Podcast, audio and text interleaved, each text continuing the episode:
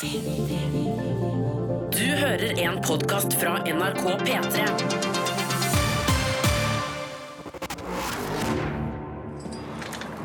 What's your name, Buster? Well, it certainly isn't Buster. It's Sigurd Vik. Filmpolitiet.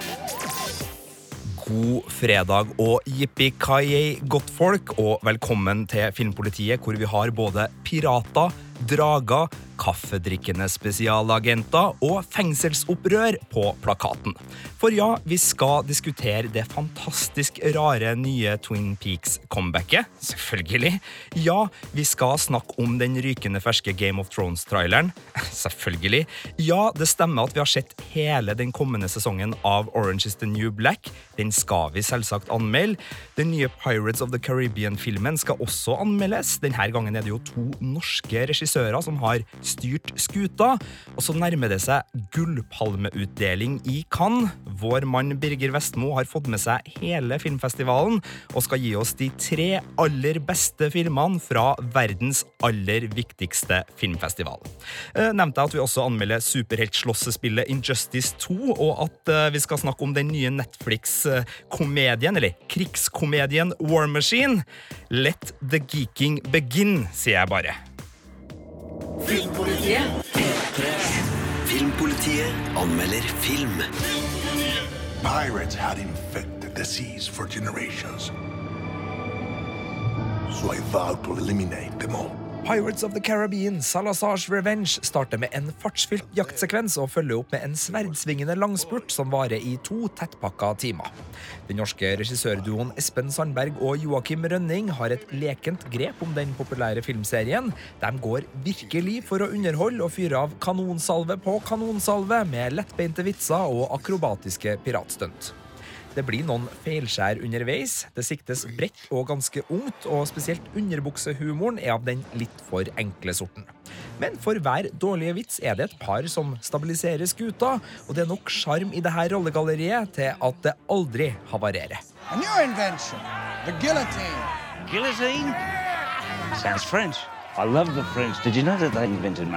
Det er selveste Jack Sparrow, spilt av Johnny Depp, som jaktes i denne femte filmen om den sløye piraten med et hjerte av gull.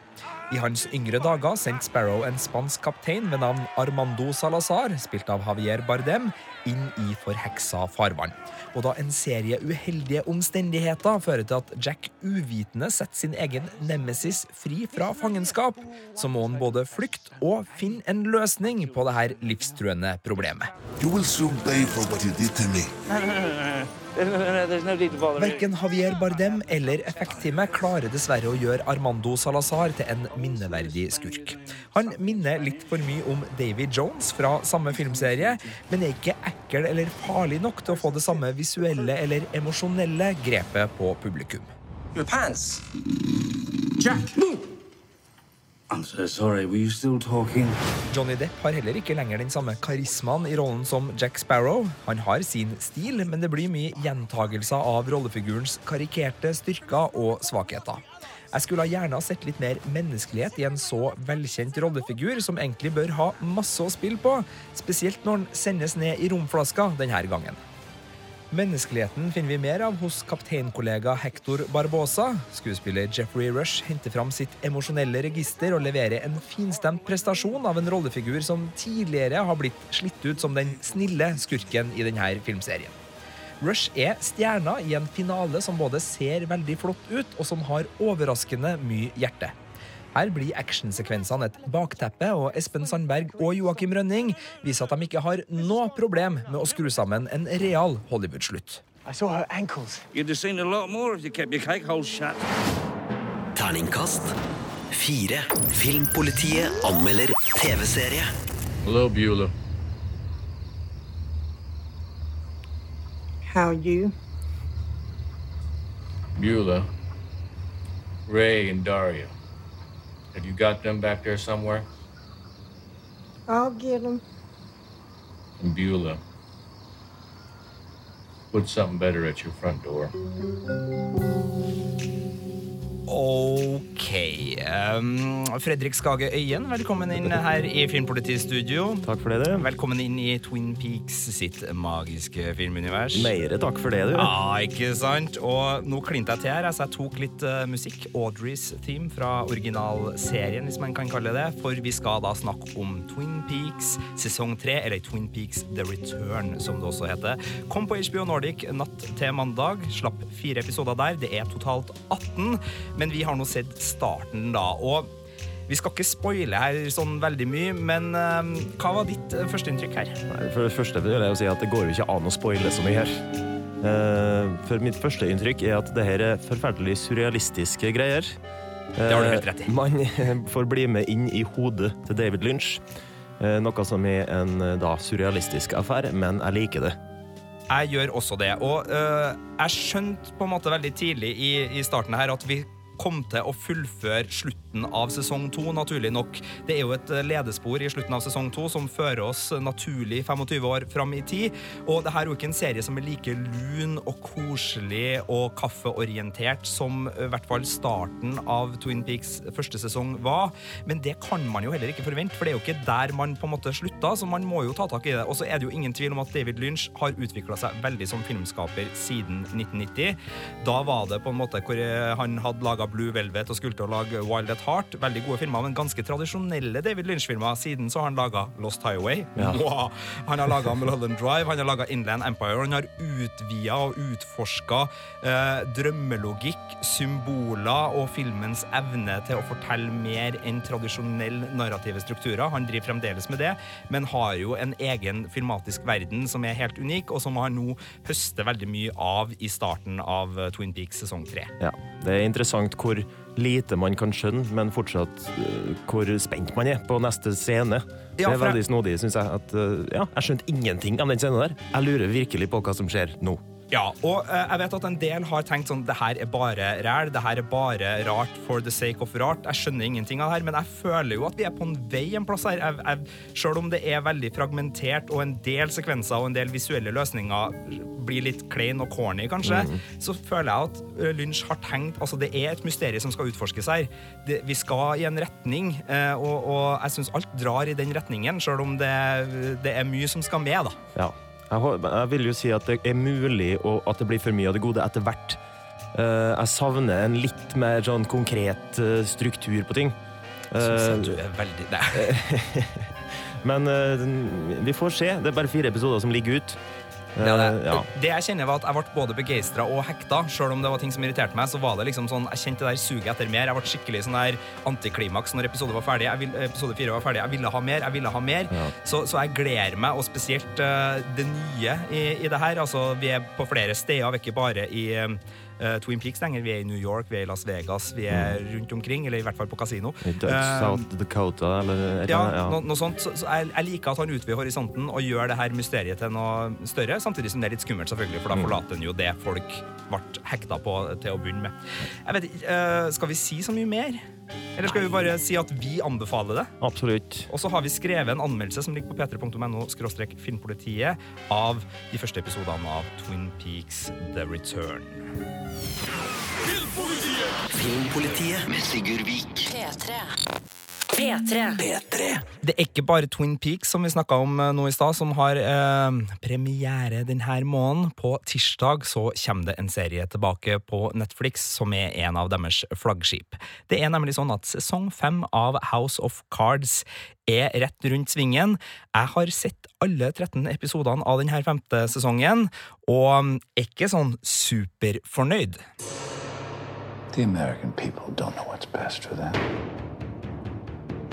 House of Cards starter med et brak, men blir en seig, tam og ganske uinteressant serie utover i sin femte sesong. Den er aktuell og trekker inn både falske nyheter og flyrestriksjoner, men klarer verken å ta pulsen på amerikansk politikk eller media anno 2017. Og hovedhistoria blir stående og spinne i samme sporet som burde ha blitt avslutta i forrige sesong. They even need help writing their wildest dreams, crafting their worst fears. Det mangler påfyll av det meste i sesong fem. Plottet putrer videre på de samme konfliktene som drev andre halvdel av forrige sesong. Makta til Francis Underwood, spilt av Kevin Spacey, trues fra både republikanere, journalister og hans egen hustru. Men det blir aldri spennende. Vi møter for mange gamle fjes og for lite nye sider ved amerikansk politikk til at det blir fengende.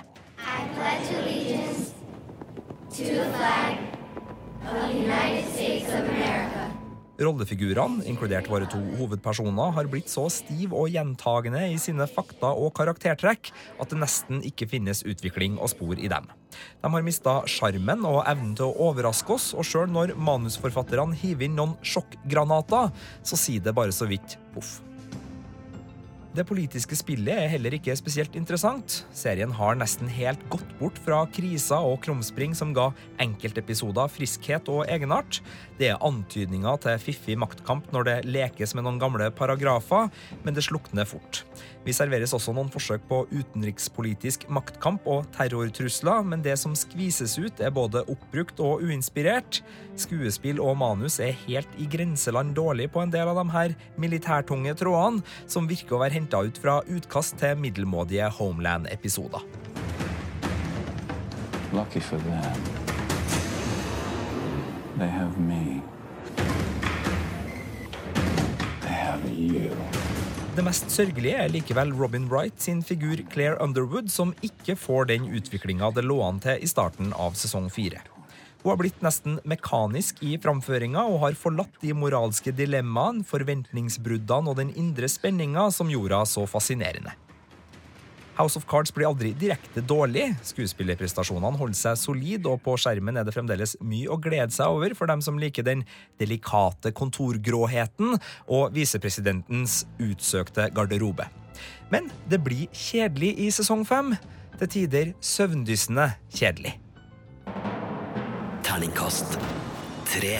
Filmpolitiet. Does that sound good to you? På P3. Hvor vi nå har fått inn Fredrik Skage Øyen, kollega. Ja, jeg er inn. Du er inn, for vi skal snakke om det her. I was born to rule the Seven Kingdoms. And I will.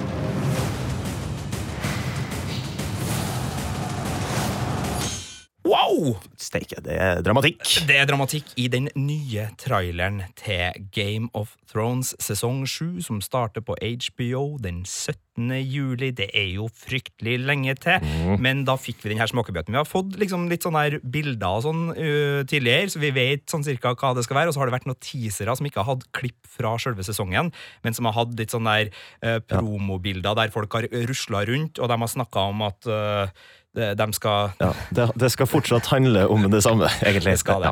Ja. Eh, Det vi kan si uten å spoile altfor mye nå, er at ut fra denne traileren, som ser fantastisk ut, så vet vi følgende. Dragene, eller i hvert fall Drogon, er eh, fullvoksen og ser badass og som uh, fuckings helt nydelig ut. Badass. Ja. Eh, vi vet at uh, Lannister-hæren er en estetisk gjeng i utgangspunktet. Vi får nå se dem i eh, holdt på å si, all sin prakt. Det er i hvert fall en marsjering av Lannister-hæren som ser helt nydelig ut. Og så er det en del borger som gjør at jeg får vann i munnen. For det her, det som er snedig, da, og det som er poenget med denne traileren sånn, i forhold til min glede, er at det virker som de har skrudd opp episk-bryteren litt. Kanskje. De har rusla bort til skapet, og så bare skal vi se Vi har ligget på sånn, hvor har vi ligget nå? Sånn åtte på episk. Skal vi se, hvor, eh, de har ikke gått til elleve. Jeg tror neste sesong, som blir den siste sesongen, og som vi nå har fått bekrefta bare blir seks episoder, forresten. Sesong åtte blir kun seks episoder. Men da tror jeg de skal til elleve.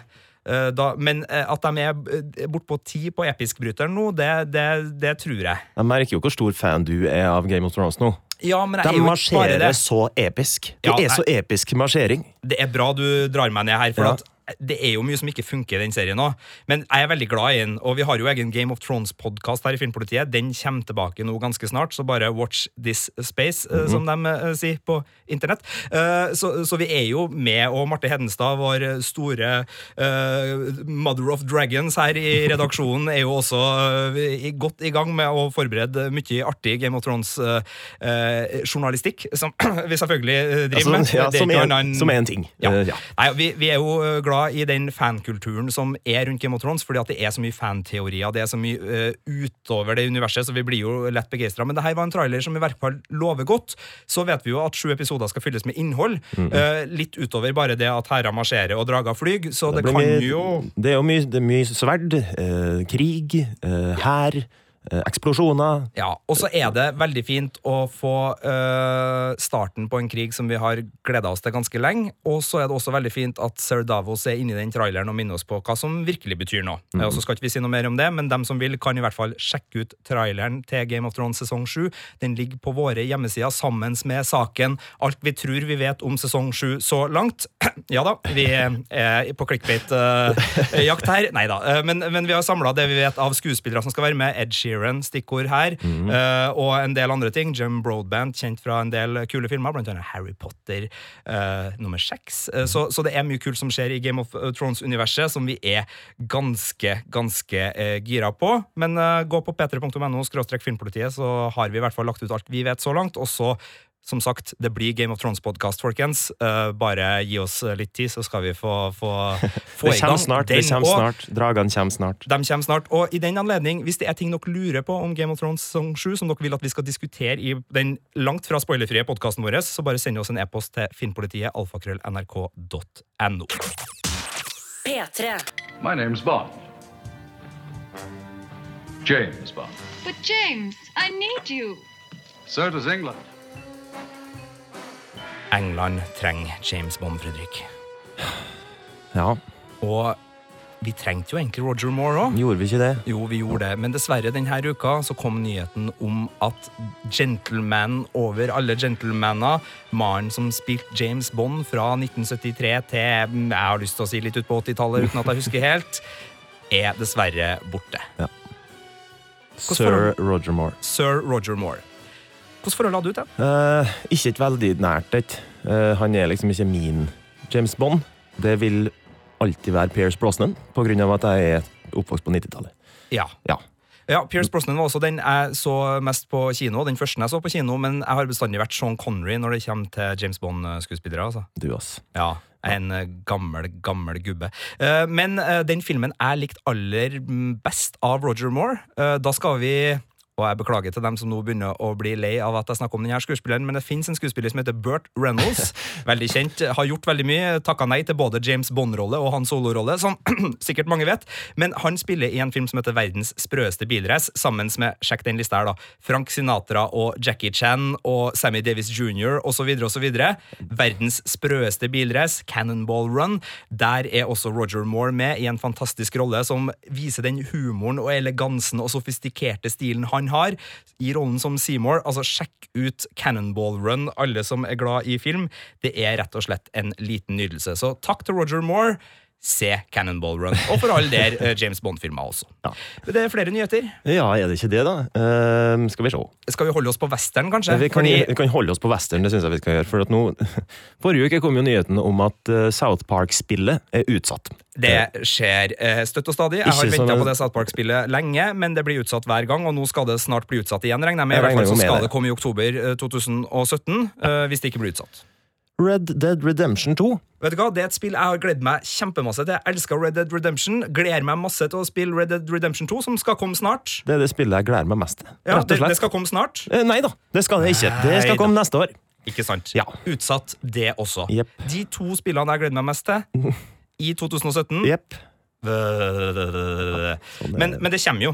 Og vi vil jo heller ha et bra Red Dead Redemption 2 som funker, enn en glitchfest fra helvete som bare trenger upgrades, og der du kan plutselig vandre gjennom hekken og opp i hekken og ja. Ikke sant. Unnskyld. Eh, så, så, så, det, så heller det. Heller en utsatt spilleopplevelse som funker, enn noe som kommer for tidlig. Den som venter på noe godt, og så videre. Ja.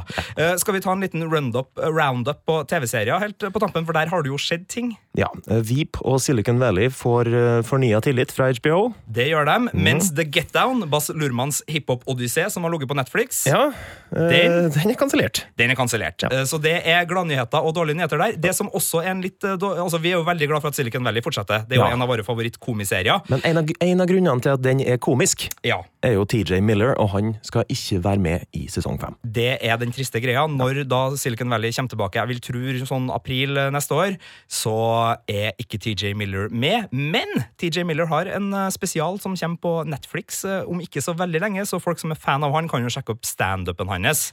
Den er kul. Filmpolitiet. Does that sound good to you? På P3. Filmpolitiet anmelder TV-serie. If we want to turn this place right, we have to speak as one united group. Hosanna. Orange is the New Black skrur opp aggresjonen, men beholder humøret i en knallgod femte sesong. Det her er virkelig godt serieselskap. Serien har de siste årene på forbilledlig vis klart å rullere på sine hovedpersoner, og har nå utvikla et av de aller beste rollegalleriene blant de amerikanske prestisjeseriene. We're gonna give him a show. gonna be super famous. Det er de dramatiske hendelsene fra slutten av forrige sesong som dirrer i lufta når vi vender tilbake til Litchfield. Og en allerede anspent situasjon eskalerer til et fullblods fengselsopprør. Dynamikken inne i fengselet endres totalt, og dette er en sesong hvor både fangenes og fengselsvesenets verste sider flerrer opp. På et bakteppe av sorg, frykt, vold og frustrasjon klarer serien likevel på mesterlig vis å kombinere samfunnsbrodd og sinne med humor og massevis av medmenneskelighet. Uten at det truer fiksjonstroverdigheten. Med så mange kvinnelige hovedpersoner i front får vi rollefigurer, relasjoner, perspektiver og dialoger som nesten ikke eksisterer ellers på amerikansk TV. I en skjermverden hvor den hvite mannen dominerer som normalen i både forgrunn og fokus, er det nødvendig med serier som lar noen andre styre samtalen, og det blir noen fantastisk fine samtaler i Orange is the New Black sesong 5.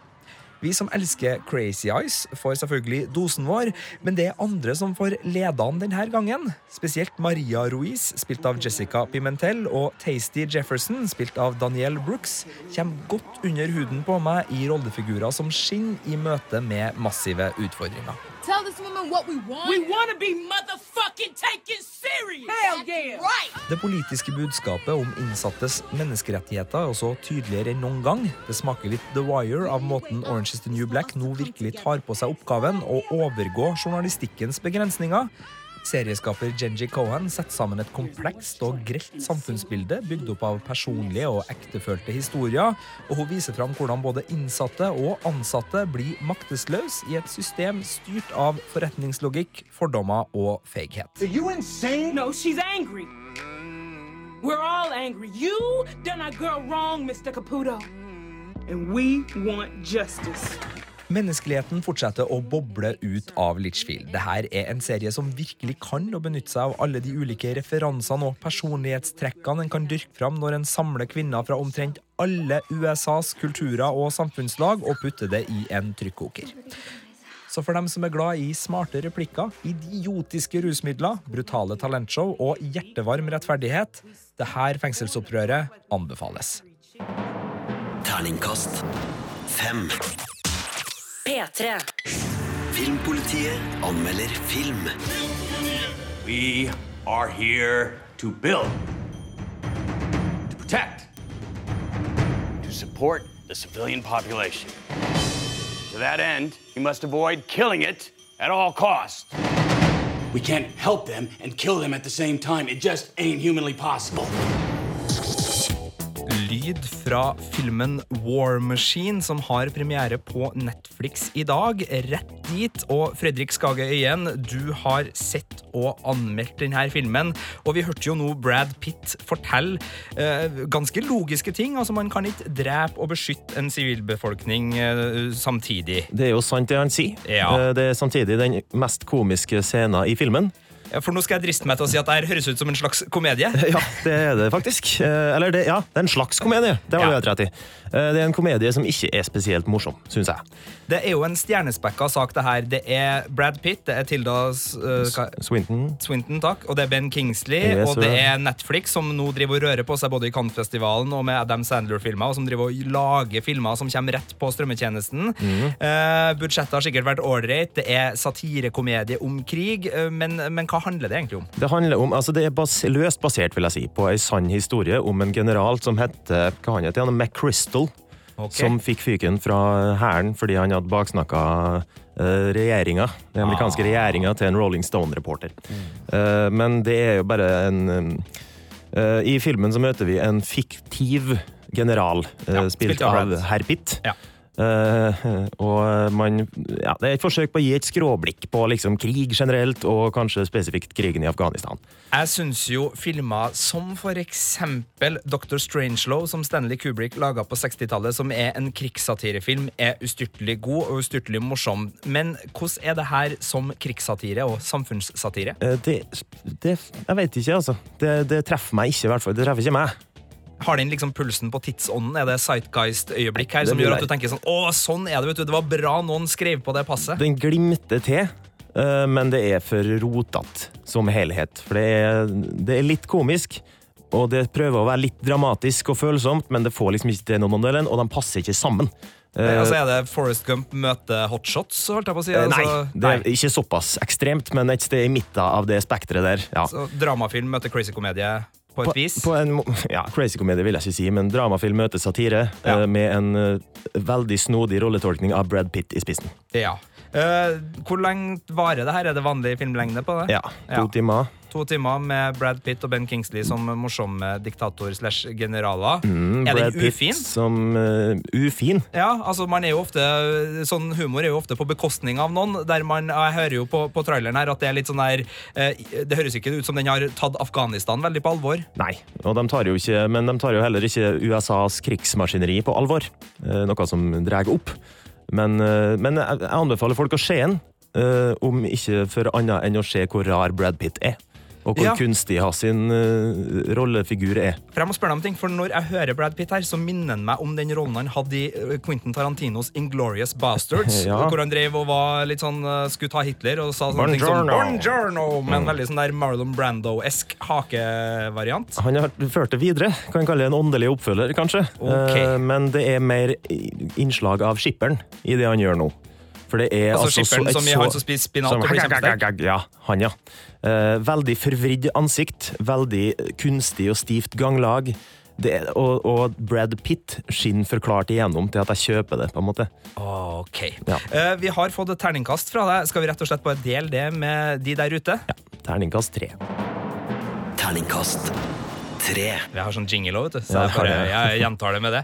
Men eh, ikke en veldig god anbefaling om å se War Machine, sånn egentlig, men sjekk den ut likevel, bare for å se hva som har skjedd med Brad Pitt. P3. P3. Filmpolitiet anmelder spill. Savior. Monster. Guardian. Vigilante. The preservation of life. So often, the justification for taking it. Yes. Ok, Fredrik.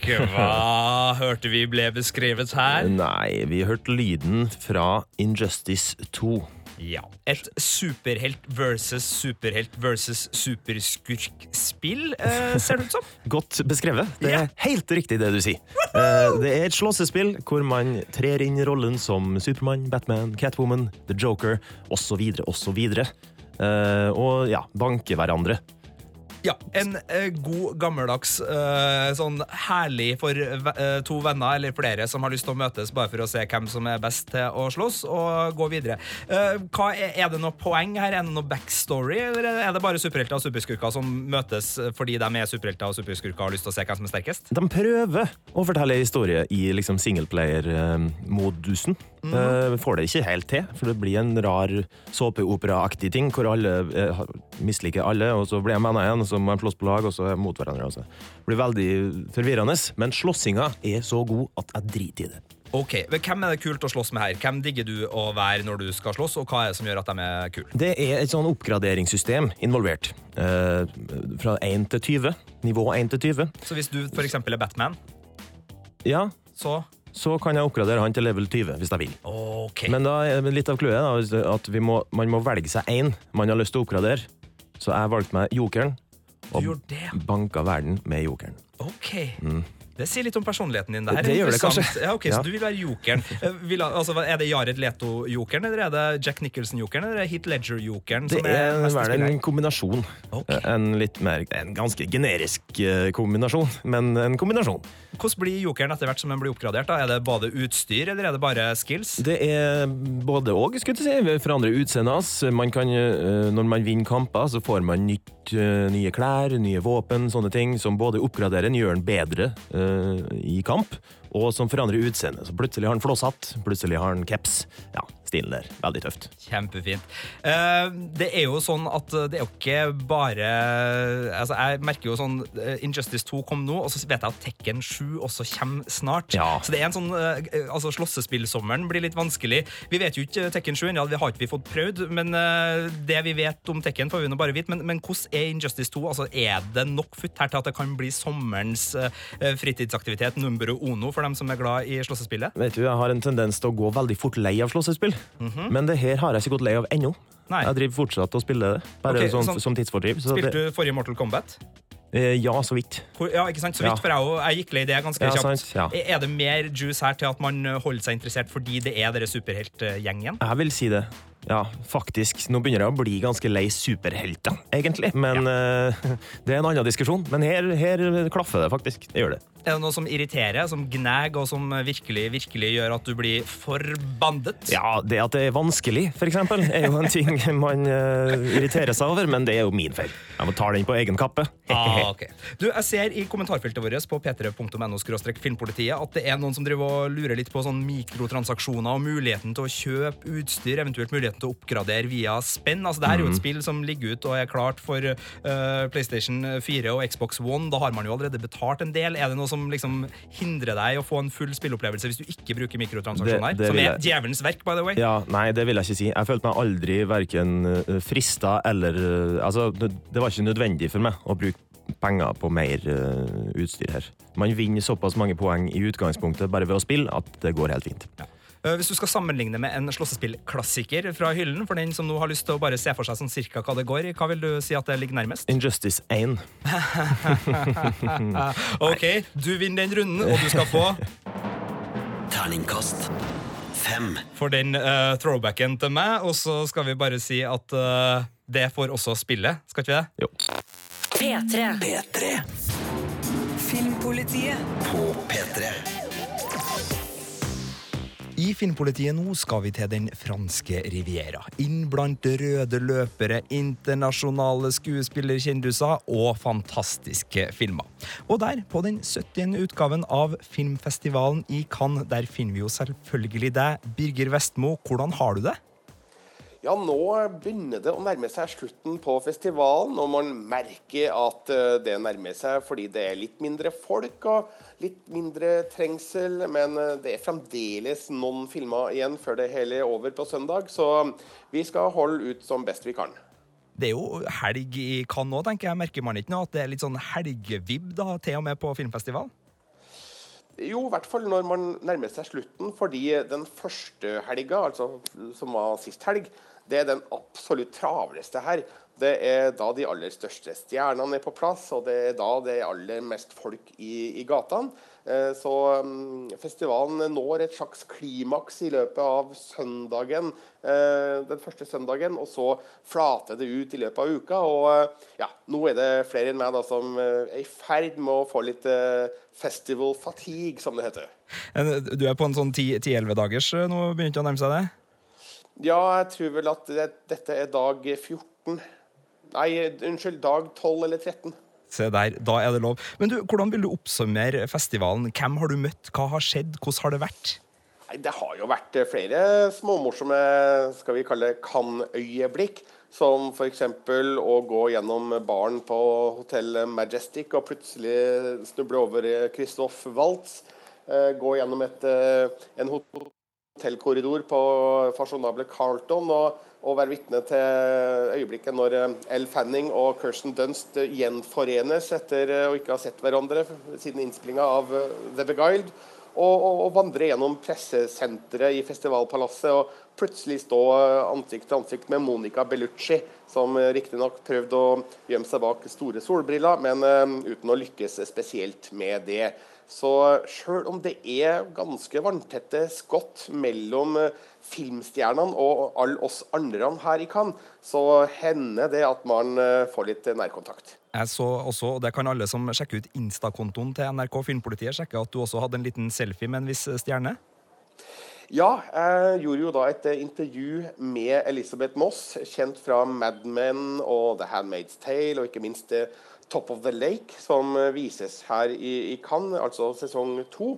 Og nå er det sånn at det er litt uprofesjonelt å be om selfies med stjernene. fordi ja, Det er en sånn slags uskreven lov at det gjør man bare ikke. Fordi stjernene har nok helt andre prioriteringer enn å ta selfies med journalister. Men akkurat i det øyeblikket der så var det flere andre som ba om selfie, og hun var strålende blid og fornøyd og glad. Og ja, ja, hvorfor ikke? Og det var hyggelig. På P3. Resten av denne podkasten er via filmfestivalen i Cannes, som starta forrige onsdag og avsluttes søndag med utdeling av Gullpalmen. Birger Vestmo har som vi hørt vært på den franske rivieraen siden starten, og skal nå fortelle deg om de fem beste filmene i hovedprogrammet. Han har også snakka med noen av dem som har laga filmene, deriblant Elisabeth Moss, Claes Bang og Ellie Fanning, og helt til slutt så får du et intervju Birger har gjort med den Avengers-kjente skuespilleren Jeremy Renner, som var på filmfestivalen i Cannes med sin nye film Wind River.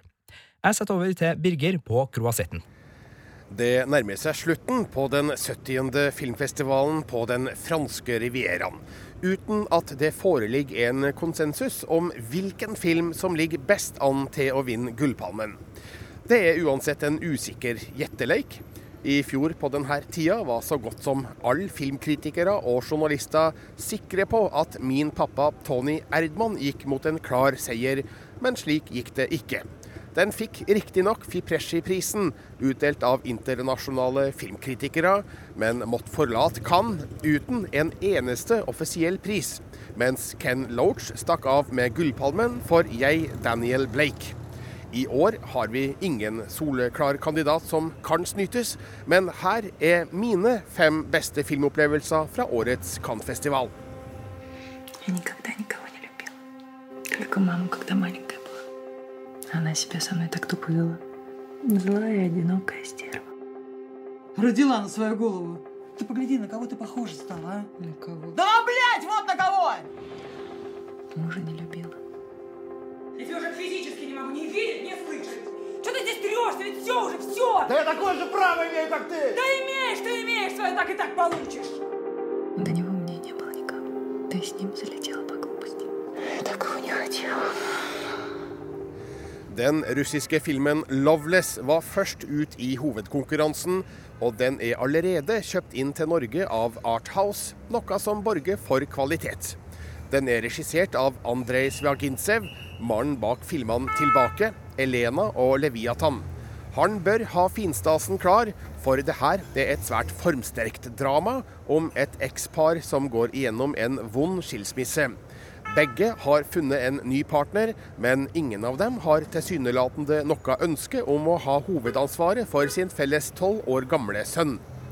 Når han plutselig forsvinner, blir hele situasjonen annerledes, og vi får et innblikk i håpløsheten og tungsinnet som preger foreldrenes leiting etter gutten, samt det store apparatet av frivillige som settes i sving for å finne han.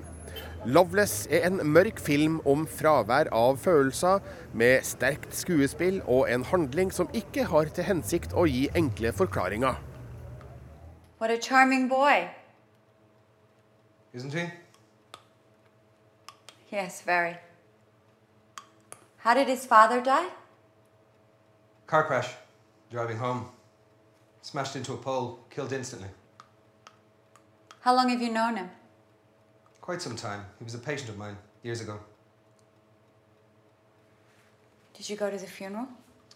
I did go, yes. Why didn't I go with you? I think I told you about it, but you were busy or something. The Killing of a Sacred Deer er regissert av greske Jorgos Lantimos. Han har vært et hett navn i visse filmkretser, spesielt etter at hans forrige film, 'The Lobster', vant juryprisen her i Cannes i 2015. Hans nye film er et mørkt, morsomt og surrealistisk drama om en hjertekirurg spilt av Colin Farrell, hans kone spilt av Nicole Kidman, og vennskapet med en ungdom spilt av Barry Keegan, som tar en dramatisk vending. Filmens univers beveger seg i virkelighetens randsone, bl.a. med en gjennomgående monotont og følelseskaldt fremført dialog, som gjør filmens konflikter og problemstillinger troverdige, sjøl om de i realiteten ikke er det. Innenfor denne historiens rammer må hovedfigurene gjøre moralske valg med avgjørende konsekvenser for sine to barn. Bisarr humor og en surrealistisk utvikling gjør The Killing of a Sacred Deer til en særegen og besnærende opplevelse. Do you just go have sex with just anybody? Excuse me? Do you just go have sex with lots of other women? Um, Is this something that you do a lot? kind of private question, isn't it? Uh, well, so is being inside me. Pretty private, so. But where's the uh, connection there? Ruben Østlunds The Square er det eneste nordiske håpet i årets hovedprogram i Cannes. Og det er ingen dum kandidat. Det her er en til tider hysterisk morsom satire over en sjølhøytidelig kunstverden. Komikken er imidlertid ofte av det slaget der latteren sitter fast i strupehodet. For mange av scenene er så flaue og beklemte at man ikke vet om man egentlig burde le. Filmen er òg en skarp observasjon av våre vansker med å takle uventa situasjoner, der både figurer og publikum blir skjøvet ut av komfortsonen. How often would you say that you take women that you don't know very well and have sex with them and be inside them? I'm not sure, maybe. I'm, I, Do you not remember them? I, yeah, sure, I do. Yeah. You know their names? Yeah? Yeah? Sure. Yeah. Always? Always. Yeah. Yeah. So what's my name?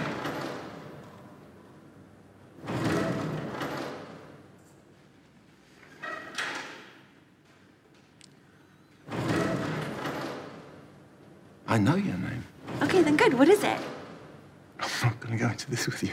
This is stupid. Mm-mm. Anyone that would know somebody's name would just say, Of course I know your name. Christian, spilt av Claes Bang, er kurator på et museum som leier et PR-firma til å gjøre et stunt i forbindelse med en ny installasjon, nemlig The Square. En opplyst firkant som skal innby mennesker til å resonnere over sitt eget ansvar som medmennesker. Samtidig er Christian på leiting etter sin stjålne mobiltelefon og lommebok, noe som fører han ut på dypt vann. Anne, spilt av Elizabeth Moss, er TV-journalisten som skal intervjue han, men ender opp med å få han til sengs. Det oppstår mange merkelige og surrealistiske situasjoner som gjør morsomme spark mot både kunstverdenen og skildring av høyst menneskelige reaksjoner på pinlige omstendigheter.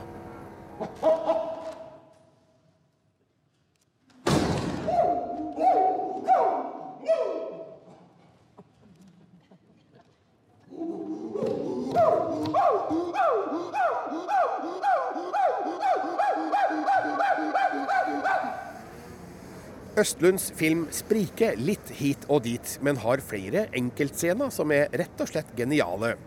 The Square er en smart og modig film med et luftig tema, konkretisert med sylskarp humor og store doser surrealisme som ikke alle kommer til å like. Jeg mener at The Square er en av årets beste Cannes-filmer. Filmpolitiet. Elizabeth Moss er seriestjerna fra Mad Men, Top of the Lake og The Handmaid's Tale.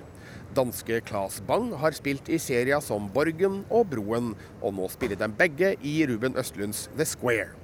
Jeg har møtt dem her i Cannes, og da kunne de bl.a. fortelle om filmens eh, spesielle sexscene, der det oppstår en dragkamp, bokstavelig talt, om et brukt kondom. Det høres kanskje søkt ut, men skal være basert på en sann hendelse, sier Claes Bang. It has happened. Yeah, yeah. I know that thing is actually. I met the guy that it happened to. Oh, really? It's something that Ru- Ruben has written off someone he knows. yeah, and it, and it actually was a bit weirder at one point when we shot it because when we'd done a lot of takes of it, and we're fighting over the condom. And he, he, Ruben says to me in the middle of a take, "You've got nothing else to do now. You have to eat it, swallow it, Yeah. eat the condom, eat it." yeah. So I did. Yeah. Yeah. I'm not going to get it. And then he would say to, and then he said to me, "Okay, now try to get it out of his mouth." We had so much fun doing that scene. Yeah. that was really funny. hilarious scene. Yeah. Mm. It's just like the It worst sex times. scene ever. Yeah, yeah. It's just, mm, it, this is definitely not, not a place you want to be. No, but that's the thing that he does that's so great, so brilliant, is that he he doesn't try to find weird moments, awkward moments, No. weird situations. He tries to find honest moments. Yeah. And the the reason why you feel awkward when you watch it is because it's so honest, and it makes your skin crawl sometimes because you're like, oh god, I, I've fucking seen that person, or I've been in that position, and I Mm. feel uncomfortable now. But he's not trying to like make things uncomfortable, you know. Filmen The Square kan føles ukomfortabel fordi man kan kjenne seg så godt igjen. Det mener Elizabeth Moss. Netflix har to filmer i årets hovedprogram, noe som har blitt behørig diskutert både før og under festivalen. Spesielt franske kinosjefer er rasende over at Netflix ikke vil vise verken Okja eller The Meyerowitz Stories New and Selected på kino. Noe som har fått festivalen til å endre reglene, slik at alle filmer i hovedprogrammet fra og med 2018 må være sikra fransk kinodistribusjon. Okja fikk jeg dessverre ikke muligheten til å se. Men The Meyerowitz Stories New and Selected viser seg å være et varmt, morsomt og tidvis rørende drama fra regissør Noah Baumbach, kjent for filmer som The Squid and the Whale, Frances Ha og While We're Young. Hans nyeste handler om en fragmentert familie i New York som tvinges sammen når faren blir syk, noe som utløser flere innbyrdes oppgjør om konflikter som har bygga seg opp over flere år. Det er lett å tenke seg til at Woody Allen er en inspirasjonskilde her. For dialogen går som en mitraljøse, med New York som en levende bakgrunn. Det er prisverdig at Adam Sandler tar pause fra fjollekomedier for å spille i en film som det her, og han gjør sin beste rolle siden han var med i Paul Thomas Andersons Punch Drunk Love. Ben Stiller viser òg at han har flere strenger å spille på, mens Dustin Hoffman gjør en avmålt og beherska rolle som kler han godt. Et hjertelig gjensyn med en gammel stjerne. The Meyerowitz Stories New and Selected kommer altså ikke på kino, men fortjener absolutt oppmerksomhet når Netflix legger den ut på sin tjeneste.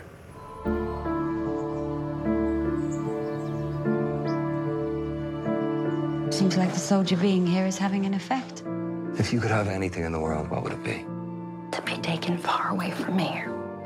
We can show him some real Southern hospitality. Corporal McBurney's stay here has taught us all a very important lesson. Can I get you anything? The enemy is not what we believe. The Beguiled er den nye filmen fra Sofia Coppola, regissøren av filmer som Lost in Translation, Marie Antoinette og Somewhere.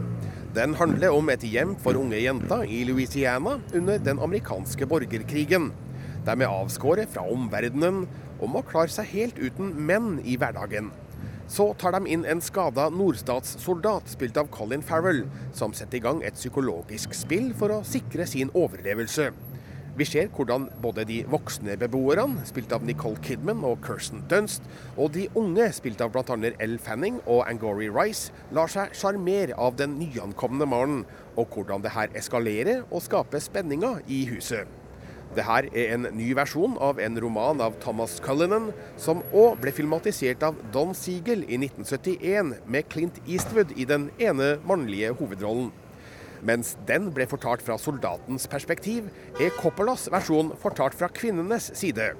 Det har blitt et tett drama med en stadig økende spenning, en overbevisende tidskoloritt og helt fantastisk foto av Philip Lesord. The Beguiled kommer på kino til høsten. Filmpolitiet. Jeg har møtt Sofia Coppola her i Cannes, og da kunne hun fortelle hvorfor hun ville lage en ny versjon av The Beguiled. Uh, actually, my friend, who's the production designer and producer, Anne Ross, said, You have to see The Beguiled, you need to make a new version of it. And I, I would never think of remaking a film, but when I saw um, the film, which I thought, oh, you know, really stayed in my mind. I thought it was so interesting. It was a story of the soldier going into a woman's world, a girls' school, and I thought, oh, I'd love to see that story told from the point of view of the women and what it must have been like them and being cut off from the world during wartime. That, you know, I don't think I've seen a film during the war about the women left behind, and so I felt, um, you know, intrigued of how to make uh, a new interpretation of the same premise. And then I, I found the book and went back to the story and uh, started reading the stories of each of the, the women, the girl characters. You know, I haven't watched um, the other one in a while. I wanted to put it out of my mind and Right. make my own version of the story from the book again. Um, but I think the main difference is it's this is really a female point of view of the story, where the other one's told from from um, the male character, this Clint Eastwood's point of view. Det sa Sofia Coppola om hvorfor hun ville lage den nye versjonen av The Beguiled. En av skuespillerne i filmen er Elle Fanning. Hun er bare 19 år, men har vært skuespiller i 16 av dem. De siste åra har vi sett hun i filmer som Super 8, Maleficent og The Neon Demon. Akkurat nå er hun på filmfestivalen i Cannes med to filmer. How to Talk to Girls at Parties og altså The Beguiled. Hun spiller mot Nicole Kidman i begge filmene, noe som var en drømmesituasjon for Elle Fanning.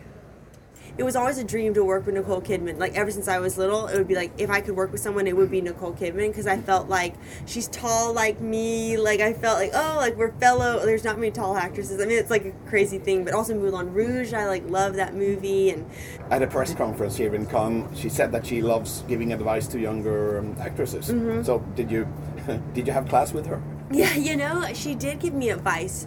She's um, she's someone I so respect her opinion on things and and she also she was like well you know you have to find find your tribe she said like find your support around you to make sure that people love you for the right reasons and that you're you feel you know because this is a crazy sometimes this can be a crazy business and and you have to know yourself. Also you have to know yourself before you can lose yourself in a character because but our job is to erase ourselves a little bit. And so you have to have your confidence of who you are to be able to do that. So she just it's a little bit about that. And also just keep doing movies. She was like just keep going. Like have as many as experiences of being different people as possible. You'll get wiser and learn more things. And um, and that, that's what it's all about. If you love it you know that's that's it Det sa Elle Fanning, som altså fikk råd fra veteranen Nicole Kidman da de spilte inn How to Talk to Girls at Parties og The Beguiled.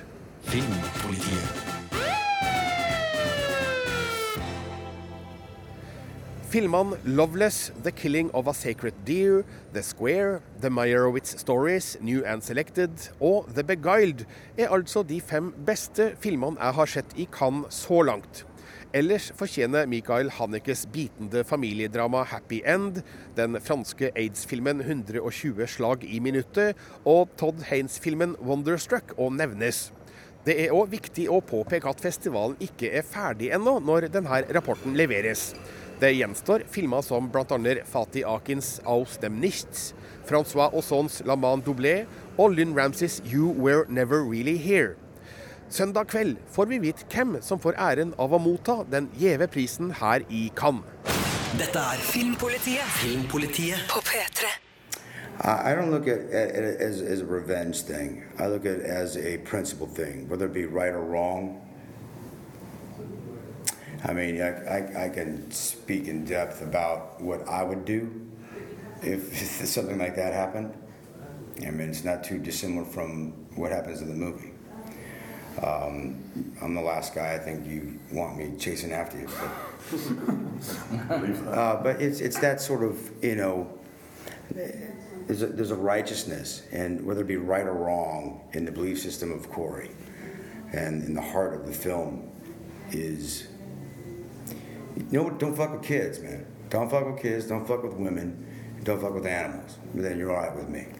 Believe whatever God you want to believe in. Think whatever you want to think. Just don't do those things, and we're all right. And I'll accept you. I'll tolerate your things, and it's all good. It's a principle, right? And maybe you agree with it, maybe you don't, and that's fine. But the courage to be able to live that out and actually do it, I get to do that through a character. Don't get me wrong, I think that way and believe that way. But to I get to manifest it in a real way, and um, but I'm, because I'm hiding in a character. But those are, are things that mean a lot to me, and that aren't things that you ultimately speak about. Du finner flere podkaster på p3.no podkast.